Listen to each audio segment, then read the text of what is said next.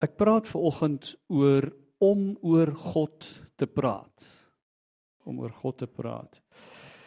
Ek het ergens die storie raak gelees hier in die begin van die 20ste eeu van 'n Afrikaans sprekende enkellopende man wat in Bloemfontein gebly het.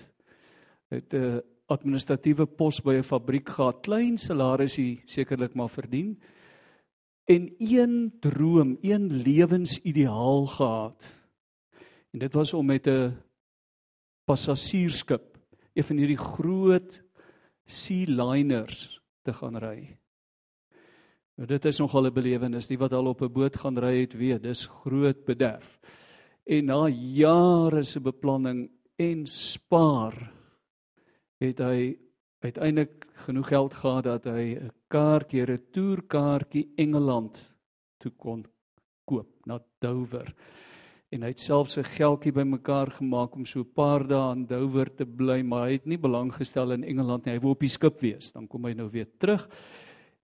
Hy het ook al sy reëlings getref, al sy padkossies ingepak en hier sy op die skip sy droom verwesenlik.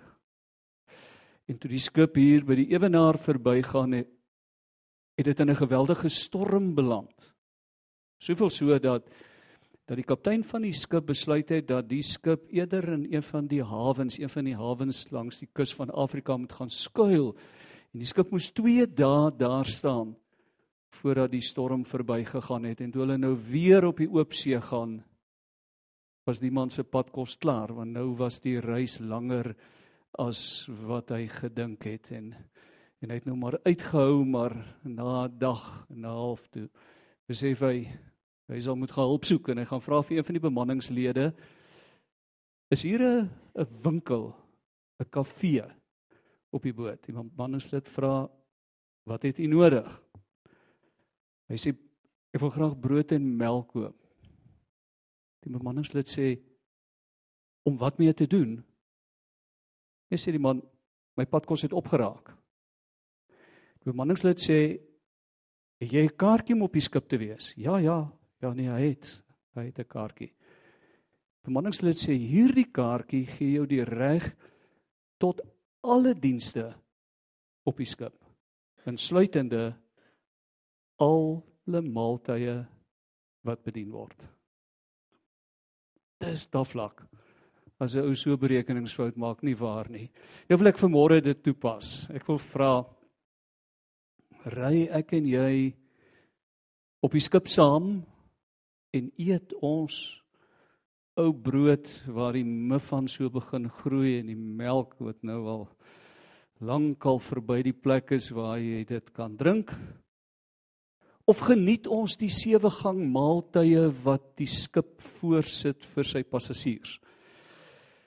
En nou net om verwarrend te wees kom ek draai die beeld om en sê is ek en jy as lidmate van die kerk 'n passasier wat verwag om etes te kry of is ons deel van die bemanning wat werk en hierdie skip aan die gang hou.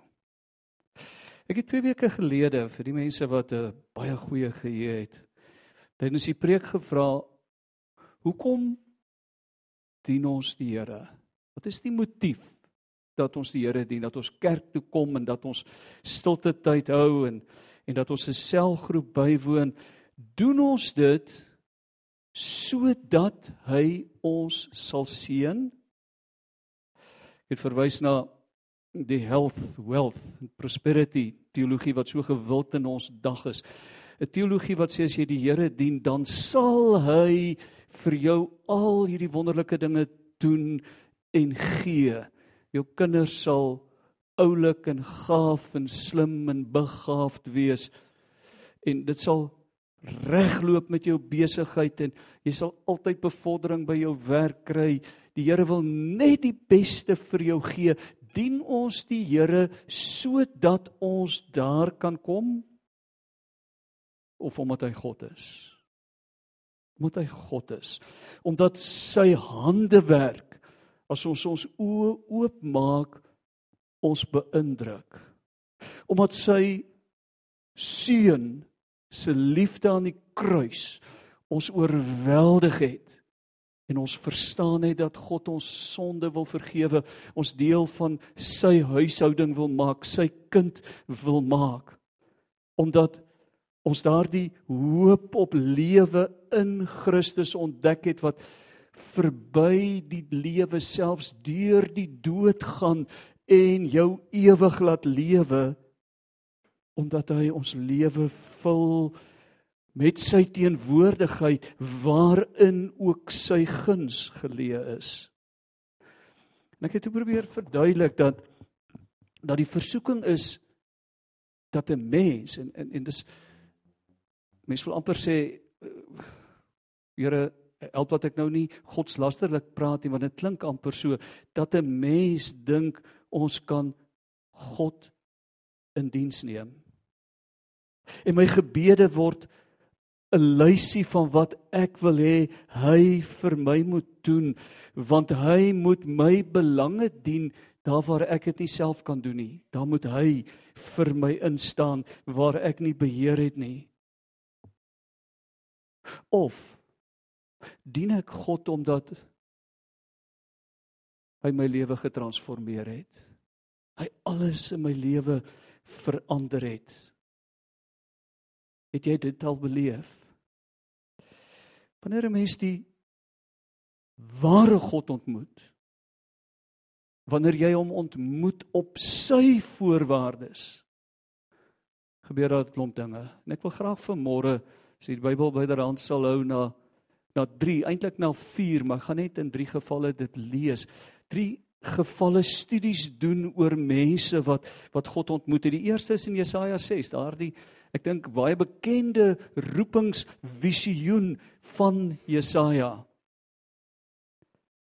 Jesaja 6 vers 1. In die jaar wat koning Osia dood is, het ek die Here gesien. Ek het die Here gesien. Sy troon was hoog verhewe. Die soem van sy kleed het die tempel gevul. Rondom hom was serafs, dis een of ander vorm van hemelse wesens. Elkeen met 6 vlerke met twee het hulle ge, hulle gesig toegemaak. Want as jy voor God kom, selfs al is jy 'n engel, dan moet jy jou oë toehou. Die lig van sy heerlikheid is so skerp dit verblind jou. Later gaan ons lees hoe dit iemand blind, letterlik blind gemaak het met twee het hulle voete bedek en met twee het hulle gevlieg. Hulle het in 'n groot koor gesing. Waaraan herinner dit dit jou hierdie koor en hierdie serafs heilig, heilig, heilig is die Here die Almagtige. Nou kry mens sommer teken van die drie eenheid reeds in die Ou Testament. Dit herinner natuurlik aan Johannes op Patmos. Ons gaan by hom eindig. Hy sien dieselfde. Hy sien die heerlikheid van die Here en hy sien hoe hoe alles wat leef, ook alle hemelse wesens voor God neerval en sê heilig, heilig, heilig is die Here die Almagtige. Die hele aarde is vol van sy heerlikheid. Die tempel se fondamente het geskud van die geluid en die hele heiligdom was vol rook. Ek, Jesaja, het hard uitgeroep. Elende het my getref. Want ek is 'n sondige mens tussen ander sondige mense en tog het ek die koning, die Here, die Almagtige gesien. Toe een van die serafs na die altaar toe gevlieg en 'n gloeiende kool met 'n tang opgetel, hy het my lippe aangeraak en gesê: "Kyk, hierdie kool het jou lippe aangeraak." Nou is jou skuld weg. En jou sondes vergewe. Wanneer 'n mens die ware God ontmoet, dan slaan dit jou neer. Moet jy besef wie jy is. Skepsel. Sondig. Onwaardig voor God. Dis 'n emosionele belewenis wat wat so impak op jou lewe het dat dat die res van jou lewe in die teken staan van wat in daardie oomblikke gebeur. En as jy daarop staan, weet jy jy's kind van God. Jy's vergewe. Jy's 'n nuwe mens. Jy glo nie net dat dit dalk gaan gebeur nie. By geleentheid het 'n joernalis vir die bekende Amerikaanse evangelis Billy Graham gevra: "Hoe weet jy God leef?" En toe sê hy: "Want ek het ver oggend met hom gepraat en hy het my geantwoord. Ek het hom ontmoet. Ek weet hy lewe." Baie gou-gou na Handelinge 9. Nog 'n belangrike figuur trouens groot deel byna 'n derde van die Nuwe Testament kom uit sy pen is Paulus. Handelinge 9 vers 3. Toe Paulus toe hy op sy reis naby Damaskus kom en nou sê hy jy sal onthou op pad om die Christene ook in Damaskus te gaan vervolg soos wat hy in Jerusalem gedoen het met briewe van die amptelike Joodse kerk dat hy dit mag doen. Toe hy naby Damaskus kom met hierdie verskriklike sending, het daar skielik 'n lig uit die hemel om ontstraal, omstraal. God ontmoet 'n mens op sy voorwaardes, op sy tyd. Hy maak 'n afspraak met 'n mens. Maar dis waarheen ons op pad is. Ek en jy kan daardie afspraak mis. Ons kan daardie afspraak mis. Het op die grond, Paulus het op die grond neergeval, die stem het vir hom gesê en dan gebruik dit die die Hebreëse, die Arameese weergawe van sy naam Saul Saul, waarom vervolg jy my? En ek vermoed dat die woordjie Saul dadelik die konnotasie sou oproep by Paulus soos wat dit by jou en my oproep van 'n koning wat deur God aangestel is, die eerste koning vir Israel wat nie getrou gebly het nie wat hom besig gehou het met die dinge waarop die onguns van God uiteindelik gerus het. Waarom vervolg jy my? Vers 5: Wie's u Here? Het hy toe gevra. Ek is Jesus, antwoord hy. Dis vir my wat jy vervolg. Sien net 'n klompie Christene nie. As jy aan hulle vat, vat jy aan my. Dis my wat jy vervolg. Staan nou op vers 6. Gaan na die stad in, daar sal jou vir, vir jou gesê word wat jou te doen staan. Die man saam met hom was sprakeloos van verbasing want hulle het iemand se stem gehoor maar niemand gesien nie. Saulus het van die grond af opgestaan en alhoewel sy oë oop was kon hy niks sien nie. Sy reisgenote is Damaskus in terwyl hulle hom aan die hand lei. Hy was 3 dae lank daar sonder om te sien en hy het ook niks geëet of gedrink nie. Wanneer jy die ware God ontmoet, word jy blind vir hierdie wêreld. As jy hom gesien het, dan lyk wat hier gebeur heeltemal anders. En dankie ons het ver oggend liedere gesing wat wat hierdie waarhede waaroor ons praat pragtig gedemonstreer het. Wanneer jy Jesus sien the things of the world turn strangely dim. Jy begin anders dink. Jou kop draai, die rigting van jou lewe verskuif. Jy begin iets anders met jou lewe doen want dit is die mees ingrypende wat in 'n mens se lewe kan gebeur. Alles word anders. Hoe jy met mense praat. Hoe jy oor jou geld en jou finansiële beplanning dink. Hoe jy jou werk doen hoe jy jou vrye tyd inruim. Alles word anders. En dan 'n derde geval. Job. Job 42. Onthou die verhaal van Job? Hy dien die Here oorgawe, soveel so dat die Here amper spog by die aanklaer in sy hof. Die Hebreëse woordjie is die Satan. Het jy my knegg Job gesien. Daar's nie nog iemand soos hy wat so getrou is nie. Here, hy dien nie net omdat dit goed gaan. Maar goed, laat dit met hom sleg gaan. En dan gaan dit sleg en slegter en slegste en al wat agterbly is Job en sy vrou. Miskien was sy die slegste deel vir hom want sy sê man vloek God en gaan dood. Dis makliker so. Maar hier aan die einde, nadat Job se vriende met talle argumente kom en Job baie mooi argumente het en dit hoogs verwarrend is om te sien hoe hulle mekaar weerspreek, gebeur iets. God openbaar homself aan Job. En in Job 42 vers 1, Job het die Here geantwoord: Ek weet nou. U kan enigiets doen. En niemand kan u keer nie. Ek weet nou wie u is. Ek het nou gesien wie u is. Miskien is een van die grootste probleme wat vorm Christene, Christene wat 'n blote vorm godsdiens beleef, dat hulle kennis oor God het, maar dat hulle nie God ken nie. Want hulle het hom nie ontmoet nie.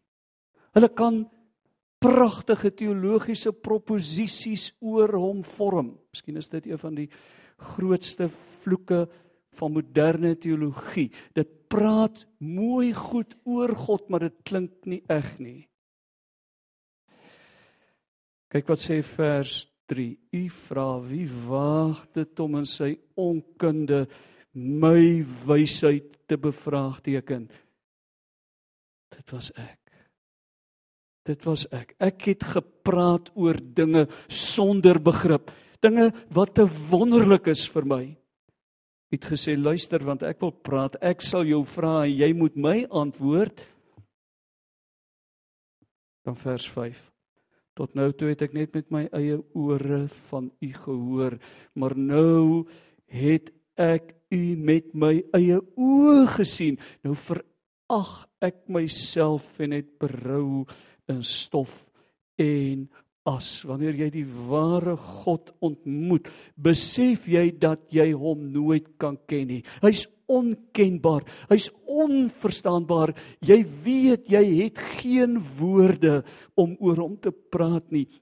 En as jy jou mond oopmaak, sal jy altyd stotterend praat. Trouwens, jy sal agterkom Jy kan net reageer op die openbaring van sy heerlikheid deur hom te aanbid. En dan is tale, die spreuke in tale een van die nuttigste middele want dit alleen verskaf aan jou die woordeskat om oor God te praat. Dan klink selfs die Bybel anders wanneer jy dit oopmaak nie wat ander beleef het wat in die Bybel staan nie, maar dit word wat God nou in jou situasie vir jou wil doen. Hy wil met jou praat en sy woorde gebeur in jou lewe. Hier kom 'n ander hoek. 'n Mens hoor gereeld ons moet getuig. Ons moet die evangelie na die ongeredde mense uitdra. Het jy ook al skuldig gevoel daaroor dat dat jy jou nie eintlik voltyds daarmee besig hou nie? Ek het 'n negatiewe ervaring hier rondom wat ek graag met jou wil deel. Miskien gaan jy nie saam met my stem nie. Dat wanneer gelowige mense wat fanaties is oor die Here praat. Dit my afskrik. En ek vermoed dit ook sondaars mense wat sonder God leef afskrik. Daarom wil ek voorstel Christen dat 'n mens eerder stil bly totdat jy die Here ontmoet het. Dan sal jy kan praat en mense sal jou kan hoor. Soos profet gesing het, al slaan hulle jou kitaar se snare stikkend om jou stil te kry, sal jy nie kan stil bly nie. Al stotter jy. Is sy invloed so groot in jou lewe dat dat jy alles in verband met hom bring En as jy jou mond oopmaak, kan dit nie anders nie as dat hy ook eers in die prentjie inpas al noem jy nie sy naam nie. Die probleem van meeste van moderne teologie is dat dit rasioneel oor God, teologie praat oor God, oor God praat sonder dat dit gebaseer is op die basis van eerstehandse ervaring met God. Wat dit sê is nie deur eie ervaring gesertifiseer nie. Dis 'n skepsel wat met die brein oor God dink. Maar wanneer jy jou ontmoet op sy voorwaardes, dan sal mense hoor wat jy praat. Want waarvan jy praat, weet jy. Die waarheid klink eers waar as jy dit beleef het. As jy die resultate daarvan gesien het toe jou huwelik wat skeef geloop het, wat op pad was na die rotse toe deur die genade van die Here se ingryping in 'n stuk vreugde verander het. As jy in verhoudings in jou familie of met vriende was wat skeef geloop het en die Here daarin gegryp het en verzoening gebring het. As dit jou gesindheid verander het, Jy gaan dit sien in die onselfsugtige wyse waarop jy jou motor bestuur of iemand anders 'n kans gun ten koste van jouself. Jy gaan begin glo in God op grond van wat in jou lewe gebeur. En dit begin daar waar jy hom gesoek het en waar hy jou gevind het. Daarom sluit ek vanmôre af. Ons gaan binne rekordtyd klaarmaak danksy die dokter wat so kort gesing het. En ek vra het jy al die ware God ontmoet? Die goeie nuus is daar's niks wat God meer graag wil doen as om jou te ontmoet nie. Ja, Hy lag en dans en sing uitbundig in die reën as 'n mens na hom toe keer. Die geheim lê, dit is die laaste voorbeeld by Johannes wat daardie wonderlike ervaring van 'n visioen op Patmos gehad het en die geheim lê in die beginwoorde van die boek Openbaring. Johannes was op die dag van die Here in die gees op Patmos. Hy, ons weet nie watter dag dit was nie, want as die Here jou ontmoet, word selfs 'n Saterdag of 'n Maandag die dag van die Here. Maar die geheim Johannes was in die gees. Johannes was in die gees. In Kronieke 28 vers 9 bevat 'n 'n gawe stukkie raad wat Dawid vir sy seun Salomo gee as Salomo besig is om die funksie van koningskap oor te neem. Dawid sê aan hom as jy na hom vra as jy na hom vra sal hy hom deur jou laat vind. As jy na hom vra, as jy na die Here vra, sal hy hom deur jou laat vind. Jesus het gesê: "Soek, jy sal vind. Klop, daar sal vir jou oopgemaak word." Dalk het jy vanmôre gefrustreerd begin raak met die feit dat jy geklop het en gevra het: "Here, gee, doen." Here sê ek wil Maar voor ek allerhande gunsies vir jou doen, wil ek my self vir jou gee. Want net soos by mense is dit nie vir my lekker dat daar van my misbruik gemaak word dat ek dinge vir mense moet doen, mense wat my nie eers raak sien nie.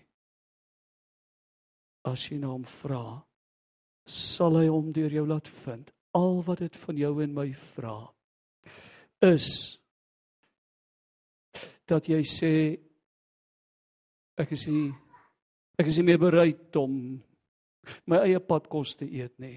Opgewarmde spiritualiteit van ander mense en ek sit in die lig van die vuur wat hulle beleef het nie. Ek wil die Here self ontmoet. Ek wil nie meer 'n passasier op die skip wees nie. Wat verwag?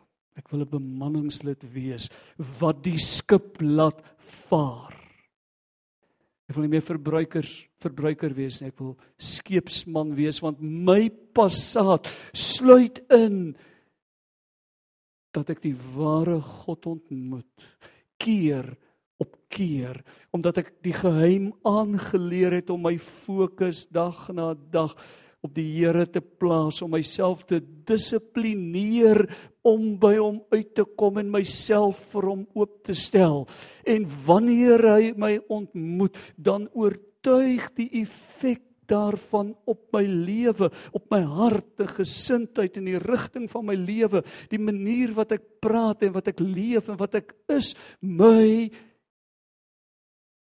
dat ek te doen het met die ware God wat praat en dit gebeur. Mag jy vanmôre uit die kerk uitstap en sê nee. Nee, ek is nie tevrede met padkos nie. Ek wil aansit aan die sewe gang maaltye wat die Here vir my beloof het. 3 maal 'n dag gaan aansit en ontvang wat God my gee. The reason I live is to worship you. En Here, met niks minder kan my lewe tevrede wees nie. Kom ons word so oomblik stil. Hemelse Vader, Die reën wat daar buite val herinner ons aan u getrouheid. U gee voor ons vra weet u terwyl ons vra antwoord u. Maar daar's niks wat u meer graag vir ons wil gee as dat u wonderlike verkokende sagte alles deurdringende reën op ons geestelike lewe val nie. Ons bely u het waarskynlik herhaaldelik afsprake met ons gemaak. Ons het nie opgedaag nie. Here in my lewe het ek gekyk vir dit wat ek wil hê u vir my moet doen en ek het u nie raak gesien nie. Vanmôre wil ek bely die belangrikste in my lewe is u. Dis om u te ontmoet.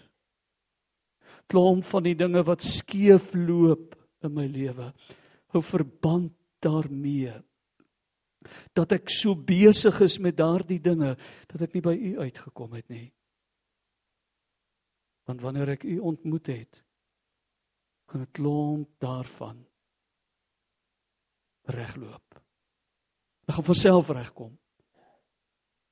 Want u gaan my hart verander, u gaan my gesindheid verander. U gaan die rigting van my lewe verander. Dat u kinders by die regte plek sal begin. Dat hulle by u sal begin. Die gebed nie die versoek luis word van wat ek wil hê die Here moet doen nie. Mag gebed die plek word waar U my hart verander sodat ek opstaan en gaan doen met my lewe wat U bedoel het dat ek daarmee sal doen. Ons bid dit in Jesus se naam. Amen.